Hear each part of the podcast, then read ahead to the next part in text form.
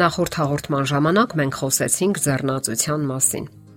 Մենք բոլորս այս կամ այն չափով ձեռնացություն ենք անում, որpիսի շահենք մարդկանց սերն ու հարգանքը, որ մարդիկ ընդունեն եւ գնահատեն մեզ։ Սակայն դա չպետք է լինի ուրիշների սահմանները խախտելու հաշվին, նրանց իրավունքներն ու սկզբունքներն անտեսելու հաշվին։ Նման դեպքերում արդեն գործում են պաշտպանական մեխանիզմները, որոնք հարկավոր է իմանալ։ Ինչպես արձագանքել եւ ինչ դիրքորոշում ընդունել նման դեպքերում շատ կարեւոր է։ Հոգեբանները այսպիսի ուշագրավ միտք են արտահայտում։ Չարժե ամբողջ ուժով եւ երանդով մեղադրել ձեռնացություն անողներին։ Մարդիկ որպես կանոն բացահայտ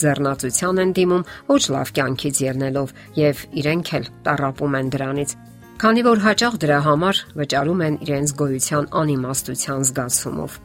գոյություն, որտեղ չկա անկեղծություն։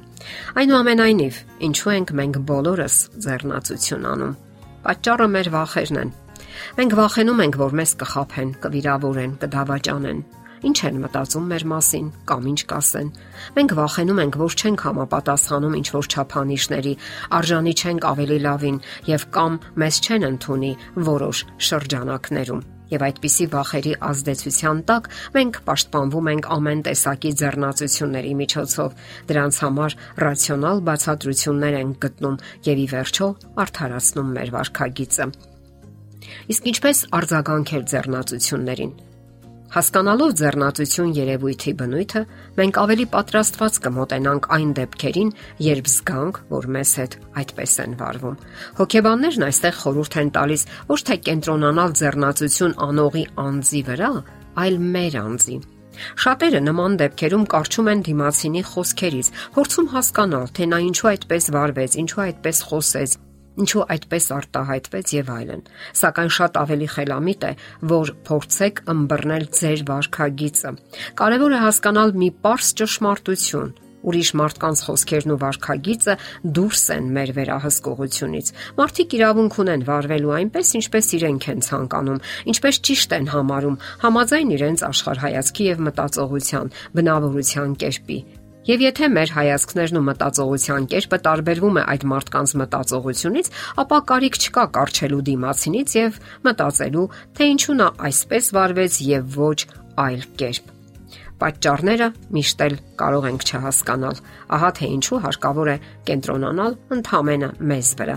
Հարկավոր է այսպիսի հարց տալ. Ինչ կարելի է անել նման իրավիճակում, այլ ոչ թե ինչու նա այդպես վարվեց։ Սկզբում դա կարող է անսովոր եւ բարդ թվալ մեզ, որովհետեւ մենք սովորել ենք մեր ուշադրությունը կենտրոնացնել ուրիշների վրա եւ փորձել վերահսկել նրանց, ինչն իրականում սխալ է եւ ոչ իրատեսական։ Սակայն բավական է ավելի շատ ուշադրություն դարձնել սեփական մտքերին ու վարքագծին եւ ամեն ինչ հեշտ կկարգավորվի։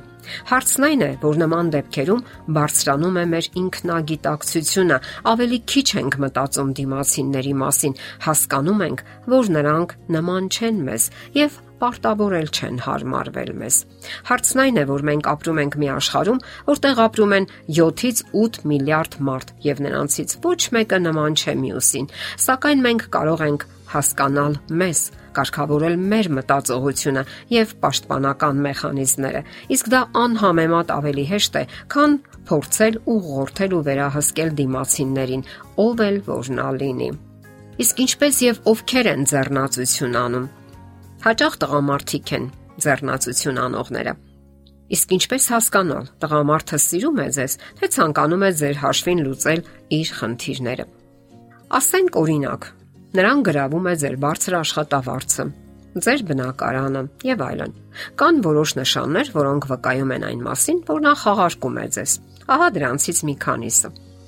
Նա բարձր պահանջներ է ներկայացնում ձեզ, կպչունություն է հանդես բերում, քննադատում է ձեզ, ասում է, որ ձեր արտակինը, հակոստները, դիմահարդարումը չեն համապատասխանում իր պահանջներին Նրան չեն հետաքրքրում ձեր պահանջմունքներն ու ապրումները։ Նրան ավելի շատ հուզում են սեփական հիմնախնդիրները։ Հնարավոր է նա ցանկանում է ձեզ հետ հարաբերություն պահելով զարմացնել նախկին կնոջը կամ ընկերուհուն, կամ էլ խանդի տեսարաններ հրահրել։ Նա ունի ինքնահաստատման պահանջ։ Կան երիտասարդներ, ովքեր ինքնահաստատման կարիք են զգում, ցանկանում են զգալ իրենց կարևորությունը, որ եզակի են, պահանջված Նրանք մշտապես իրենց համեմատում են ձեզ հետ եւ իհարկե միշտ շահած են դուրս գալիս։ Նրանք զբաղված են ինքնագովասանքով, ձգտում են անտեսել ու արհամարել ձեր արժանինքները, մանրակրկիտ թվարկում են ձեր թույլ կողմերն ու վրիպումները, իսկ երբեմն էլ պարզապես հորինում են դրանք։ Եվ վերջապես, ինչպես արդեն նշեցինք, նրանց չեն հետաքրքրում ձեր հուզաշխարն ու ապրումները։